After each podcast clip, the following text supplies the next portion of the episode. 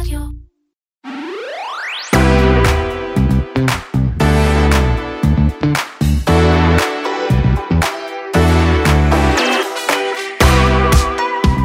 עוד שבוע, עוד הצעה למאגר מידע, הפעם זה בנק ישראל שרוצה לאסוף עלינו המון המון המון אינפורמציה לא נחוצה, ביוזמה די מסוכנת, שעומר כביר תכף ידבר עליה באריכות. וגם אפל הגיעה להסדר פשרה בתביעה ייצוגית שהגישו נגד המפתחים על כללי ה App Store המגבילים מאוד, ואנחנו גם נסביר למה זה לא הסדר פשרה, אלא יותר הסדר קנייה. דרך אגב, הסדר קנייה לא של אפל, אלא דווקא של מי שייצגו את המפתחים בתביעה הזאת. אתם מאזינים לקוקיז, פודקאסט ההייטק והטכנולוגיה של כלכליסט, אני הגר רבט. ואני עומר כביר, מתחילים.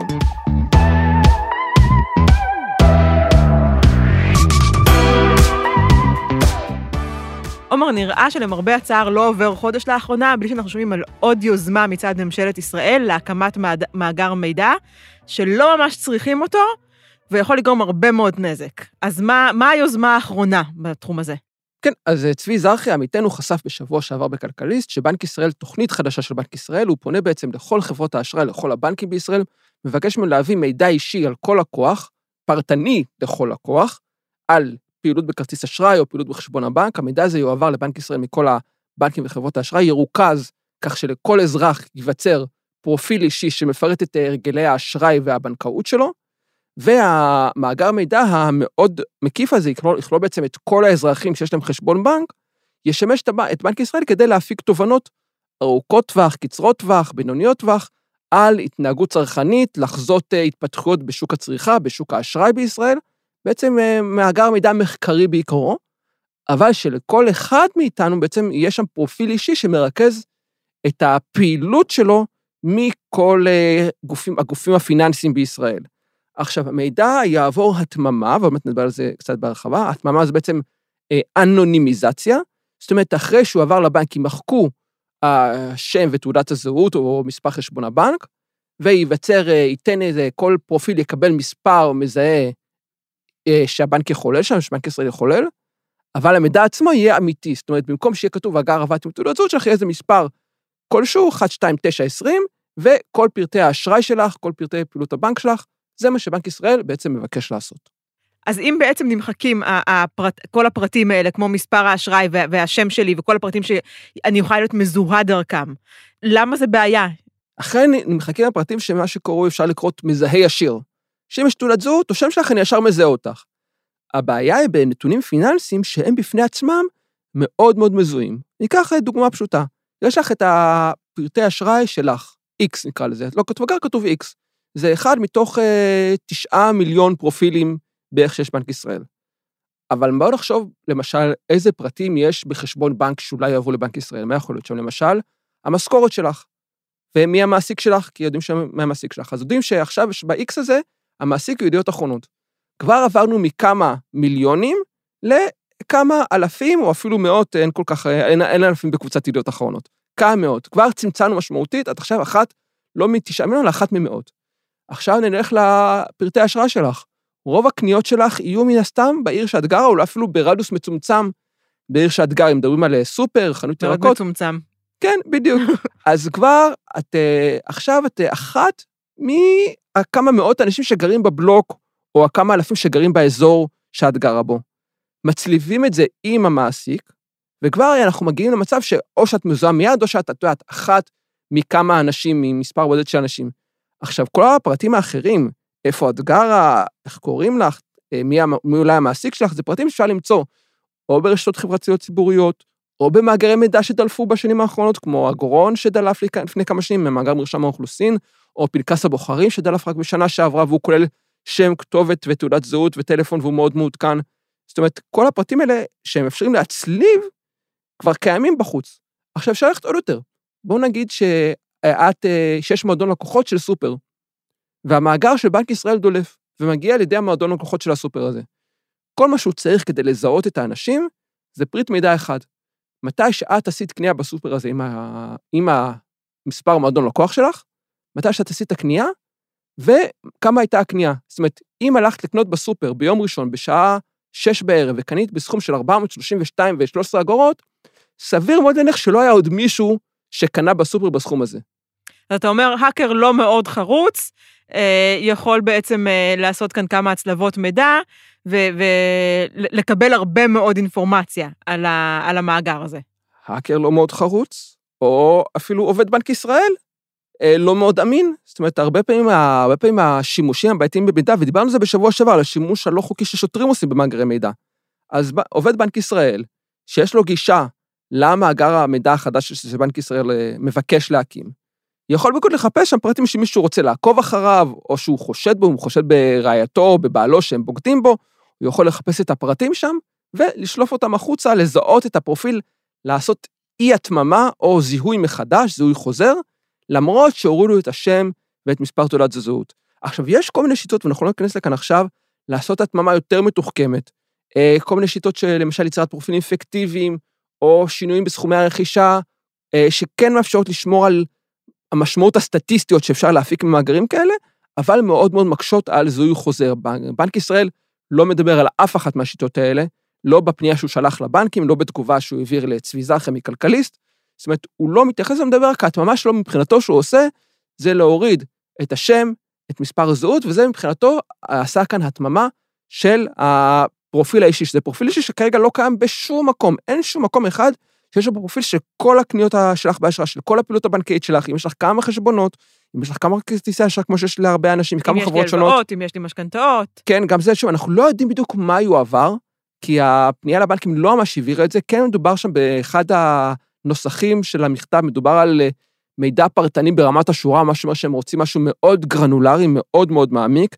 החשש שלנו זה שבאמת מדובר על בקשה להעביר ברמת הפירוט שורה מה הייתה כל עסקה בכרטיס אשראי, מה הייתה כל פעולה בחשבון בנק, אה, אולי גם הלוואות באמת, או שיש לך, כי זה גם באמת מידע שהוא מאוד חשוב, אבל בעיקר מידע שהוא יכול להיות מאוד מסוכן. עכשיו, חשוב לציין, כן, יש שימושים למאגר מידע הזה, באמת אפשר ממאגר מידע כזה נרחב ומעמיק, אפשר להפיק תובנות מצוינות, אם יש לך את המערכת ביג דאטה סלש בינה מלאכותית מספיק מתוחכמת, כדי לחולל את התובנות האלה. מאגר מאוד פוטנציאלי, אה, כמו שאמר לי אה, חוקר בתחום, זה יכול להיות אה, מאמר מחקרי מצוין בכתב עת מהשורה הראשונה.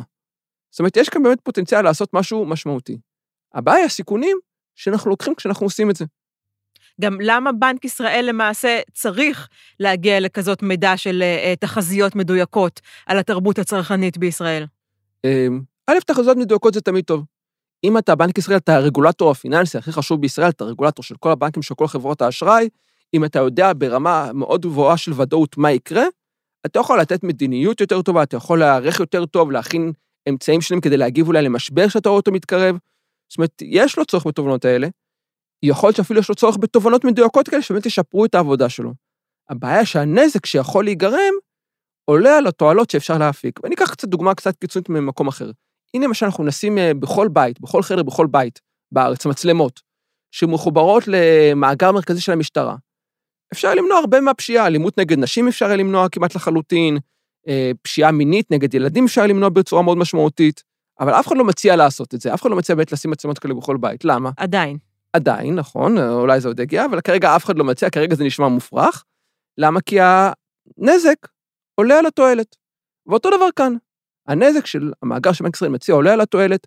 אגב, אנחנו ביקשנו, אני ביקשתי מבנק ישראל, בואו ספרו לי מה היו הליכי קבלת ההחלטות שלכם בנושא. תראו לי את הצעת המחקר שהגשתם, את הדיונים הפנימיים שהיו לכם, הרי זה לא שסתם אה, הם ישר כתבו את המכתב שהם שלחו לבנקים, היו דיונים פנימיים, היו מיילים, היו חילופי מיילים, היו מסמכי מדיניות אולי. כן, ועדות, פגישות, כל מה שצריך כן, בכל זאת, הדבר אה, הזה. בכל זאת, אה, מנגנון ציבורי. גם זה מייצר להם הרבה עבודה, המאגר העצום הזה. זה, אני מניחה שזה עבר כמה אישורים.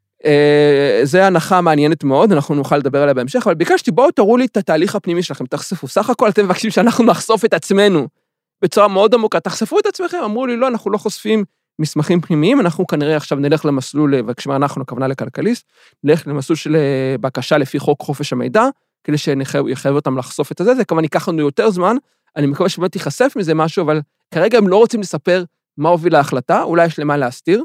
אגב, דיברתי עם כמה מומחים בנושא, ואמרתי, איך יכול להיות שהם מדברים על אה, איסוף מידע כזה ולא מכירים את הקונספטים הכי בסיסיים של התממה? לא עולים עם דברים שאני, בלי שום השכלה רשמית בעולם של התממה, של פרטיות, אה, של אה, אבטחת מידע. בכלל, הייתה כאן התייעצות עם מומחים לנושא? זאת השאלה, בדיוק, זאת השאלה. זה, אחת הדברים שאנחנו רוצים לברר, שביקשנו לראות את, את התהליך הפנימי שלהם, זה אחד הדברים שביקשנו לברר, אנחנו לא יודעים את ההתייעצות. אה, אני לא, לפחות לא שמעתי מומחה שהם התייעצו איתו בינתיים, ודיברתי עם כמה, ואמרתי, אוקיי, אבל איך יכול להיות שהם מבקשים את כל המידע הזה, ולא מכירים את כל העולם של ה big data של ההתממה שאני מכיר, בלי להיות מומחה גדול, כן? או בלי להיות מומחה בכלל. ואומרים לי מומחים, תשמע, כנראה שאין להם כרגע את המומחים שיעשו את זה, כרגע הם בשלב של חיפוש המידע. מבקשים לקבל את המידע, רק אחרי שאין להם את המידע הם יתחילו לחפש את הגורמים המומחים שיכולים לעשות איתו משהו. ואיך שאת רואה שהם מתייחסים ל big data, בלי בתגובה שלהם, בהודעה שלהם, ב... גם בתגובה שלהם לכלכליסט, גם במכתב שהם שלחו לבנקים, איך שהם מדברים, שאת באמת מבינה שכרגע אין להם הבנה עמוקה, וכרגע גם אין להם את היכולות, אולי, להפיק תובנות מהמידע הזה. זאת אומרת, כרגע הם רוצים את המידע הזה. אז, אז רגע, בוא נשאל, כמה, כמה קונקרטית הקמת המאגר הזה? זאת אומרת, במקרים אחרים שדיווחת על, אה, על הקמת, רצון להקמת אה, מאגרים, זה היה הצעות חוק, זה היה זה. במקרה הספציפי הזה, יש בכלל עוד, עוד אה, איכשהו אפשרות לעצור את הסוס הזה, או שהוא כבר ברח מהאורווה ואנחנו מסתכלים עליו מרחוק, דוהר באחו? זאת שאלה טובה מאוד, שבאמת הייתי צריך להתייחס אליה יותר מוקדם. אה, בנק ישראל מבקש את המידע מהבנקים מחברות האשראי בתוקף צו שהוא מפרסם, שלדעתו, שלדבריו הצו מקנה לו את הסמכות לבקש את המידע הזה. יש להם עד אה, דצמבר או עד סוף דצמבר להעביר את המידע, זאת אומרת, זה עוד לא קרה, אבל uh, אני אומר, וגם אומרים לי מומחי פרטיות, מידע כזה, בכזו רמה של פרטנות, אי אפשר לבקש בצו. צריך להעביר אותו בהליך של חקיקה ראשית. זה שאי אפשר זה נורא נחמד, אבל הנה הם ביקשו, ואני, מניחה שבבנקים אה, כבר מתחילים לעשות את הצעדים הדרושים כדי להיערך לבקשה הזאת. אז, אה, אז מה, זה מסלול עוקף חקיקה? אם זה באמת יקרה, אז כן, זה מסלול עוקף חקיקה. אנחנו גם, אה, אנחנו פונים לבנקים, עוד לא שמענו, הסיפור יצא רק ביום חמישי, עוד לא הספקנו לפנות אה, לכל הבנקים, אנחנו פונים לבנקים ולחברות האשראי לשאול אותם איך הם מתכוונים להגיב, נראה מה התגובה שלהם תהיה, אנחנו עדיין לא יודעים. אני מניח שבמקביל יהיה איזה גורם, אני מקווה שבמקביל יהיה איזה גורם שיעתור נגד זה לבג"ץ, עורך דין שחר בן מאיר כבר שלח מכתב לבנק ישראל וליועץ המשפטי לממשלה בבקשה לבלום את המהלך, ושחר בן מאיר הוא עורך דין שמאוד אוהב לעתור לבג"ץ, אני מניח שאם לא יקבל תגובה חיובית למכתב תהיה עתירה. אמ, זה לא ייגמר כאן, כי באמת זה מהלך שכל מי שמכיר, כל מי שמבין בתחום אומר, אי אפשר לעשות כזה מהלך עם כזה מידע אישי רגיש, בלי חקיקה ראשית. ולנו בתור אזרחים, יש איזה דרך להגיד, אה, רגע, רגע, רגע, את המידע שלי לא מעבירים? לא. אוקיי, זו הייתה תקופה קצרה וזה. אז לשאלה הבאה. אה, אני לא, לא, אי אפשר שלא לשים לב לאירוניה שמתרחשת כאן, שאחד הגופים אה, הרגולטוריים הגדולים והחשובים במדינת ישראל, בעצם מקדם אה, מהלך בתחום שאין בו רגולציה מספיקה. יש רגולציה, היא לא מספיק חזקה, זאת אומרת, יש את... שאמרתי, אין רגולציה מספיקה. כן, לא, את צודקת, נכון, את צודקת, את צודקת, כן, נכון, הרגולציה באמת לא מספיקה. חוק הגנת הפרטיות בישראל הוא חוק ישן, הוא בן 40 שנה. יש מהלכים לחדש אותו. דוקטור תהילה שוורצת שולר מהמכון הישראלי לדמוקרטיה גיבשה הצעת חוק חליפית חדשה לחוק התקשורת, אנחנו, לחוק הפרטיות, אנחנו חשפנו אותה בכלכליסט לפני איזה שנה וחצי, שנתיים. אה, מנסים לקדם אותה, כרגע אין ממש הצלחה. חוק הפרטיות מאוד מיושן, לא נותן מספיק הגנות. הרשות להגנת הפרטיות במשרד המשפטים, רגולטור הפרטיות בישראל, בעצם גוף חסר שיניים, נטול אפקטיביות, שמגיב באיחור, דיברנו על זה, אני חושב, גם בשבוע שעבר, על שלקח להם שנה וחצי להגיב לחשיפה של רן ברזיק בהארץ על אה, פרצת דליפת מידע באתר התאחדות הכדורגל, עד שהם הגיבו גם, וגם עד שהם בסוף סוף הגיבו, זו הייתה תגובה חלבית. אז החוק לא מספיק, הרגולציה לא מספיקה, מי שאמון על אכיפת הרגולציה לא באמת מצליח לאכוף אותה, לא מצליח להגן עלינו. הדרך היחידה שבה ניתן יהיה לעצור את זה, זה אם מישהו יעתור לבג"ץ, ובג"ץ יפעל מהר לפני שהצו נכנס לתוקף. כרגע, אני חושב שאם תהיה עתירה לבג"ץ, זה לפחות יושהה, עד שהעתירה תוכרע, כי מן הסתם ברגע שהמידע מועבר אין טעם לעתירה, ואנחנו נצטרך לראות מה יקרה. אז באמת, כמו שפתחתי ואמרתי, כל חודש, ואם יותר מכל חודש, אנחנו מציפים עוד פעם איזושהי בקשה כזה, איזשהו רצון להקים עוד מאגר מידע, או, או להתקין עוד מצלמות, או לעקוב אחרי עוד פן נוסף בחיים שלנו, מצד אה, בעצם אה, גופים ממשלתיים רשמיים בחלק מהמקרים. קודם כל, השאלה היא אם לא נמאס לציבור לשמוע, אנחנו כבר לא, אתה יודע, זה כבר עובר לנו ליד, ליד האוזן, כי עוד מאגר מידע אנחנו כבר לא זוכרים מה היה הקודם, מה יהיה הזה. האם לא נמאס לקוראים לראות את הדברים האלה אצלנו, והאם זה לא בעצם מייצר איזושהי אה, אה, תחושה שאין מה לעשות. אני לא מסכים שנמאס, אני לא חושב שנמאס. אם ניקח לדוגמה את הצעת החוק, אה, או את יותר נכון, תזכיר הצעת החוק שמקדמת המשטרה על אה, מצלמות ביומטריות ברחובות, תגובות הציבור באתר החקיקה של משרד המשפטים היו לדעתי בסביבות ה-6,000 תגובות לתזכיר הזה. זה מספרים מטורפים. להצעת חוק איכוני השב"כ שרצה שם היו בסביבות ה-2,000 תגובות. זאת אומרת, לציבור לא רק שלא אכפת, העניין שלו והאכפתיות שלו עולים ומתגברים. כאמור, הסיפור הזה, עוד אי אפשר לעמוד את התגובות שלו, כי יצא רק אה, ממש בסוף השבוע שעבר בכלכליסט, אז אי אפשר לעמוד את התגובות שלו לציבור, אבל אני גם חושב שגם כאן אה, תהיה תגובה משמעותית מהציבור, מעמותות, מאנשים פרטיים שהם אקטיביסטים בנושא. זה לא ייגמר כאן, אנחנו בוודאי בכלכליסט עוד לא אמרנו את המילה האחרונה בנושא, כי יש מה לעשות. יש דרכים, יש פתרונות, אה, ואפשר לקוות שתזכיר הצעת החוק של המשטרה, של המשטרה ימותן או ייבלם, וגם כאן אני חושב שבסופו של דבר זה לא יצא לפועל המאגר הזה, כי בנק ישראל מאוד מאוד יתקשה להצדיק אותו, בטח להצדיק אותו בלי חקיקה ראשית.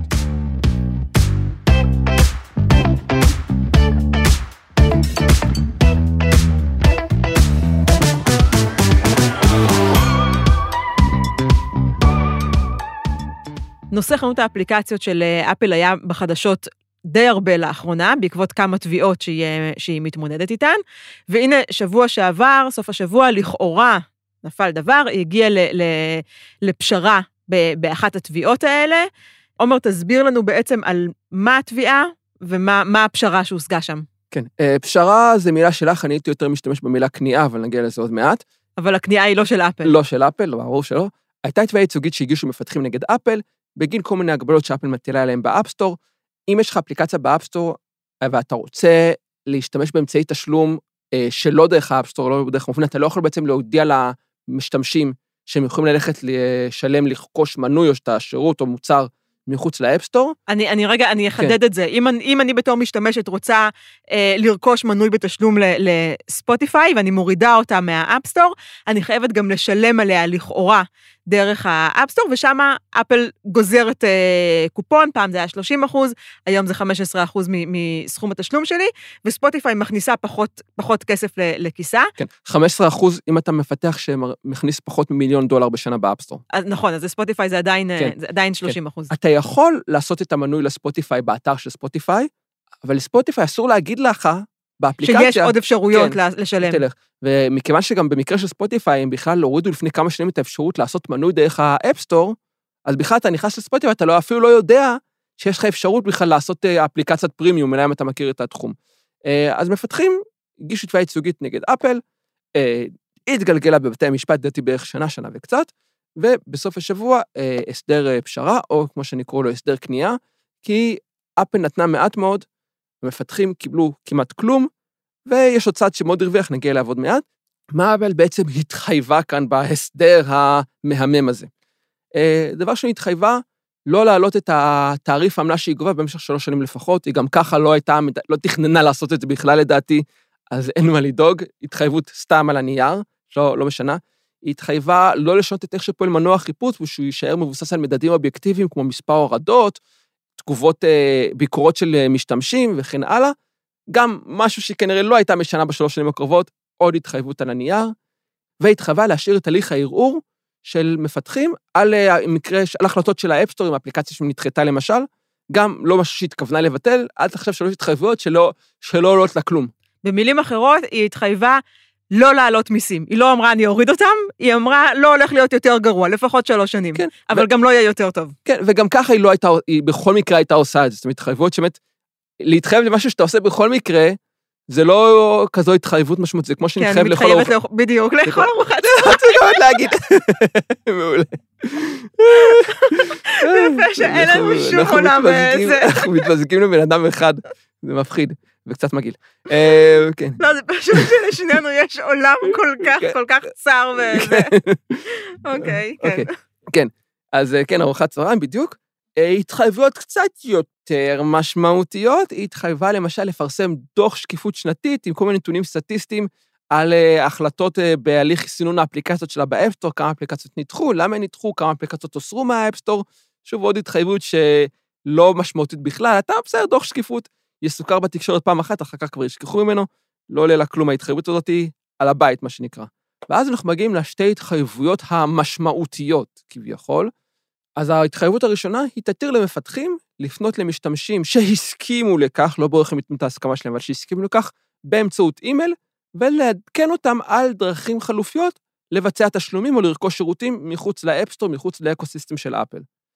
הם עדיין לא יוכלו לפרסם את זה באפליקציה עצמה, ששם זה הכי חשוב. זאת אומרת, הם יצטרכו לקבל אישור ואז לשלוח להם אימייל, וכולנו יודעים כמה אנחנו קוראים אה, בעומק אימייל שאנחנו מקבלים מגורמים מסחריים. זאת אומרת, אה, כיפוף קטן מצד אפל, לא משמעותי, ומבחינת ההתנהלות של ה App Store, שום דבר לא משתנה בפועל. וההתחייבות המשמעותית השנייה, היא תקים קרן של 100 מיליון דולר, שתעניק אה, מענקים למפתחים שמשתכרים פחות ממיליון דולר בשנה ב App Store, מענקים שינועו בין 250 דולר ל-30 אלף דולר.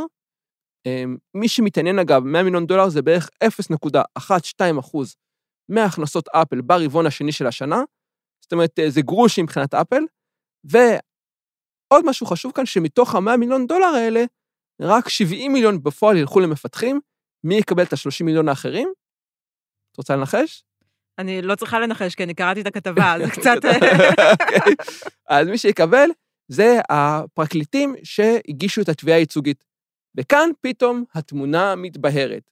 יש איזה כמה פרקליטים שרצו לעשות כסף קל, הלכו, תבעו את אפל, תביעה ייצוגית מאוד מתוקשרת, מאוד מדוברת, ומהר מהר, ברגע שאושרה להם תביעה ייצוגית, הגיעו להסדר, שלא נותן שום דבר למפתחים, לא עולה שום דבר לאפל, להם מכניס 30 מיליון דולר לכיס על מעט מאוד עבודה יחסית לתביעה ייצוגית, הרי הם לא עלתה להם עשרות מיליונים התביעה הזאת, להם, לא, לא הגיעו למשפט, כן, זה נסגר בהסדר קנייה.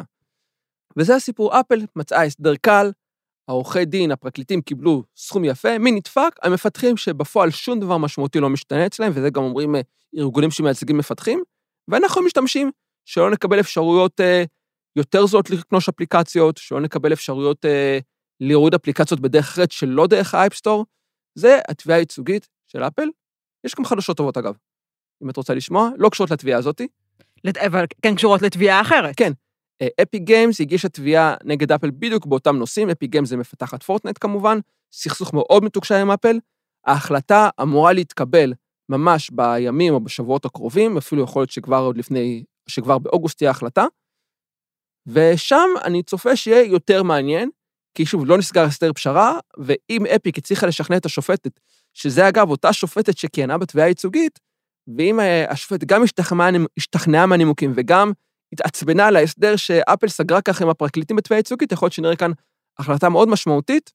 זו כמובן לא תהיה המילה האחרונה, כי יהיו ערעורים, ואולי אפילו יגיע לבית המשפט העליון, אבל יש סיכוי שבתביעה של אפיק נראה משהו יותר משמעותי, אולי, אולי, אולי, אולי אפילו, החלטה שמחייבת אותה לפתוח את ה ecosystem של האייפון ושל האייפד להורדת אפליקציות שלא דרך ה App Store, וזה באמת יהיה משהו שיהיה Game Changer. אבל בוא, אם, אם להיות סופר ריאליים, מה, מה סביר להניח שיקרה בתביעה של Epic? כי אני חושבת שבתביעה של Epic תהיה איזושהי אה, פסיקה שהיא היא, היא לא, כמו שאתה אומר, ההסכם המביך הזה שאנחנו אה, רואים עכשיו בתביעה הייצוגית, אבל היא גם לא הולכת להיות Game Changer uh, מטורף, ובגלל שזאת לא תביעה ייצוגית, זה אומר שכל מפתח מפתח יצטרך לתבוע בעצמו. כדי להשיג איזשהו הסכם טוב יותר מול אפל. נראה לי שזה סצנריו יותר ריאלי לדבר הזה, לא?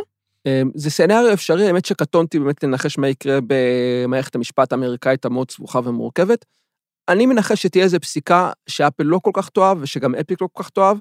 שני הצדדים יערערו לערכאה הבאה, ובינתיים אפל תחתור לאיזה הסדר טיעון, הסדר פשרה, אפי גם תחתור לאיזה הסדר פשרה, לאפל יש אינטרס מובהק להגיע להסדר פשרה, כי יש לה עניינים רגולטוריים סביב זה, חקירה באיחוד האירופי, חקירה גם בארצות הברית, בדיוק סביב הנושא הזה, תראה, תרצה לסגור את זה מהר, לראות שהגיע לסיכומים עם מפתחים, כדי שתוכל ללכת לבוא לרגולטורים, תראו, הבעיה נפתרה, אין לכם מה לחקור. לאפי גם יש להגיע כאן לאיזה פשרה, ולו סמלית, כי המערכת ההכנסות העיקרית של Epic, זה לא מה App Store, זה לא מהאייפון, זה מהקונסולות הגיימינג, שגם שם הן במידה מסוימת גן סגור, ואז תרצה להראות איזה הישג מול אפל, כדי שתוכל ללכת לסוני, לנינטנדו, למייקרוסופט, ולאיים עליהם, להגיע אליהם מעמדה של כוח. אז לשני עצמם יש כאן אינטרס להגיע להסדר, רק שבכל מקרה, אז אני מניח שגם אם בסוף יהיה הסדר, זה לא יהיה הסדר מביך כמו שלנו בתביעה הייצוגית. אם כבר דיברנו על, ה, על התביעה של אה, אפיק ועל אה, על פסק הדין שאמור לצאת בקרוב, אז אני, אני רואה כבר אה, השערות בתקשורת האמריקאית, שזה לא במקרה שאפל הגיעו ל, להסכם עכשיו. כמו שאמרת, אותה שופטת, הם רוצים להגיע אליה עם איזשהו תקדים, למרות שמבחינה משפטית היא לא יכולה לשקול את התקדים הזה, כי כאמור זה הסכם שלא הגיעו אליו בתביעה עצמה, אבל אפל נראה לי שוקלים כאן איזשהו אפקט פסיכולוגי. וחושבים שאם הגיעו להסכם פשרה כל כך כל כך מביך וכל כך נמוך עבור המפתחים, אז אה, פסק הדין של השופטת ככל הנראה לא יהיה מאוד רדיקלי לצד השני, אלא יהיה איזושהי פשרה על הפשרה הזאת. כן, אבל זה... זה השערות של התקשורת האמריקאית. כן, זה דווקא נשמע כמו תיאוריות מתחום הפסיכולוגיה החברתית, שאת קובעת איזה baseline, ואז ברגע שה... בנצ'מארק זה, זה, זה מילה בתחום העסקים. כן, ואז את מתייחסת, ואז הכל מתייחס לבנצ'מארק או לבייסליין הזה, וכאילו קשה לך פתאום לקפוץ לעולם אחר. יכול להיות שזה מה שמקווים, יכול להיות uh, שהאפקט יהיה הפוך ושהשופטת דווקא תתעצבן ותעשה להם דווקא. Uh, באמת קשה לנחש, אני גם לא מכיר את הפסיקות של השופטת הזאת, זה בכל זאת זה לא לי סבור. נחיה ונראה, יהיה, יהיה מעניין, אני חושבת, לעקוב, להמשיך לעקוב אחרי אפי.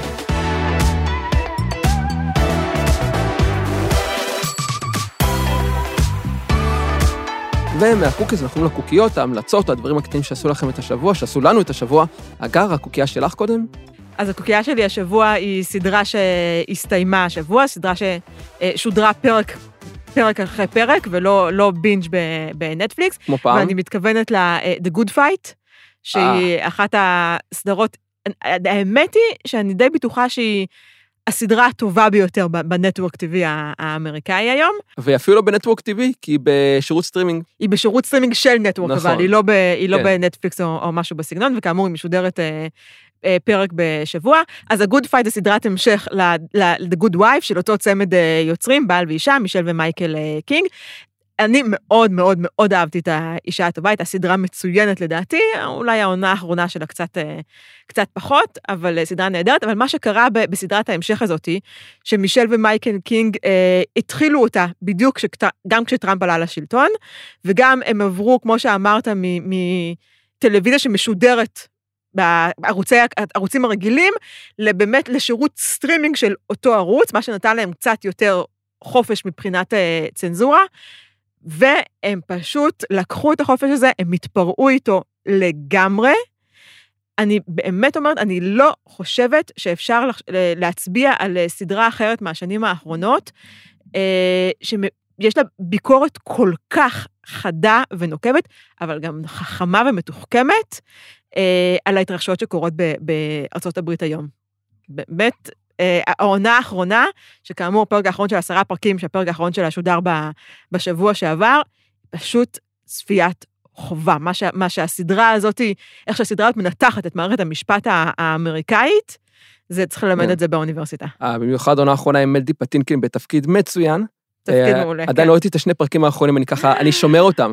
אני שומר אותם. אתה חייב לראות. אני רוצה, אני שומר אותם, אני כן. לא רוצה כי זה ייגמר, ואז יהיה עוד שנה בלי הסדרה, כשסדרות של משהו אני שומר, אה, אז כן, אני מצטרף להמלצה, ואני גם רוצה עוד טיפה להוסיף עוד המלצה קטנה של אה, שני היוצרים עם אה, בני הזוג קינג, שבין Good Fight ל Good Wife, הם עשו סדרה שקוראים לה BrainDead, ששרדה רק עונה והייתה נכון. דבר מטורף. היא הייתה אמורה מראש להיות עונה BrainDead, היא הייתה, והייתה מצוינת. אני דווקא קראתי אמורה להיות שלוש עונות, שעונה ראשונה הם אמורים לעשות בוושינגטון די.סי, עונה שנייה בעמק הסיליקון ועונה שלישית בהוליווד, אבל הייתה מצחיקה, כאילו ביקורת סאטירה קורעת. כל הסדרות שלהם נהדרות. כן. הם גם עושים עכשיו את Evil, שהיא... מה זה Evil? אז תראה את Evil. Evil היא סדרה כאילו על, אה, על תופעות על-טבעיות, okay. אוקיי. והיא גם, אה, היא קומדיית אימה לקרוא לה, אבל גם כן מאוד מאוד, אה, אני פחות, אני חושבת שהיא פחות, היא הרבה פחות טובה מה Good Fight, אבל היא גם אה, סדרה מצוינת, Evil. אבל לגבי ה Good Fight, מה שאני חייבת להג, להמליץ עליו כאן בחום, זה החזרה למודל הצפייה של, ה, של הפרק בשבוע. בסדרה שהיא, שיש בה כל כך הרבה מה לפרק ולנתח, כן. זה, זה פשוט, זה הכרחי שזה כן. יהיה פעם, פעם בשבוע, זה לא, אי אפשר לראות את הדבר הזה בבינג', אם אתה רואה אותו בבינג', אתה פשוט עושה עוול לזמן ולתחכום של, ה, של היוצרים בסדרה הזאת. כן. וזה אגב משהו שבדיסני פלוס הם מבינים מצוין, ובנטפליקס אה, לא, אבל גם לא כל כך עושים סדרות טובות לאחרונה בנטפליקס, אז לא נורא. נכון. עומר, מה, מה הקוקייה שלך השבוע? הקוקייה שלי זה הספר An Ugly Truth של אה, שירה פרנקל וסיסיליה קנג בניו יורק טיימס.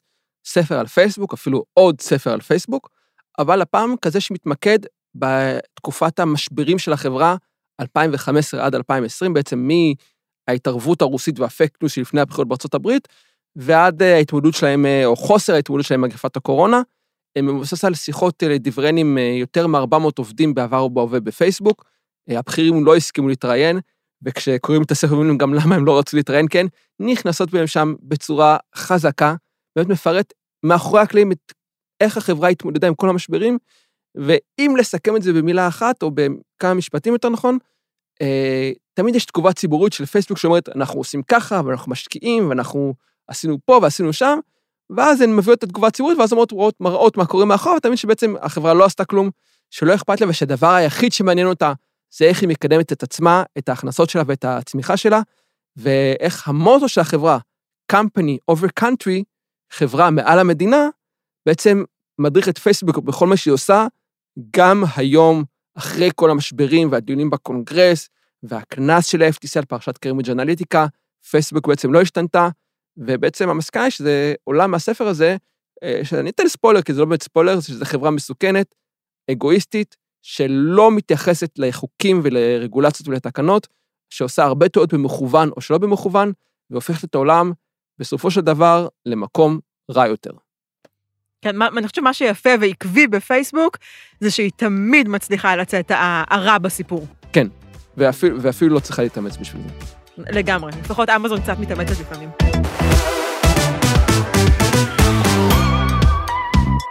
אלה היו הקוקיז והקוקיות שלנו להשבוע, תודה לאופיר גל מסוף הסאונד, אני הגר רבט. אני עומר כביר, ואם אהבתם חפשו אותנו בספוטיפיי או באפל מיוזיק והירשמו לפרקים נוספים. להתראות בשבוע הבא.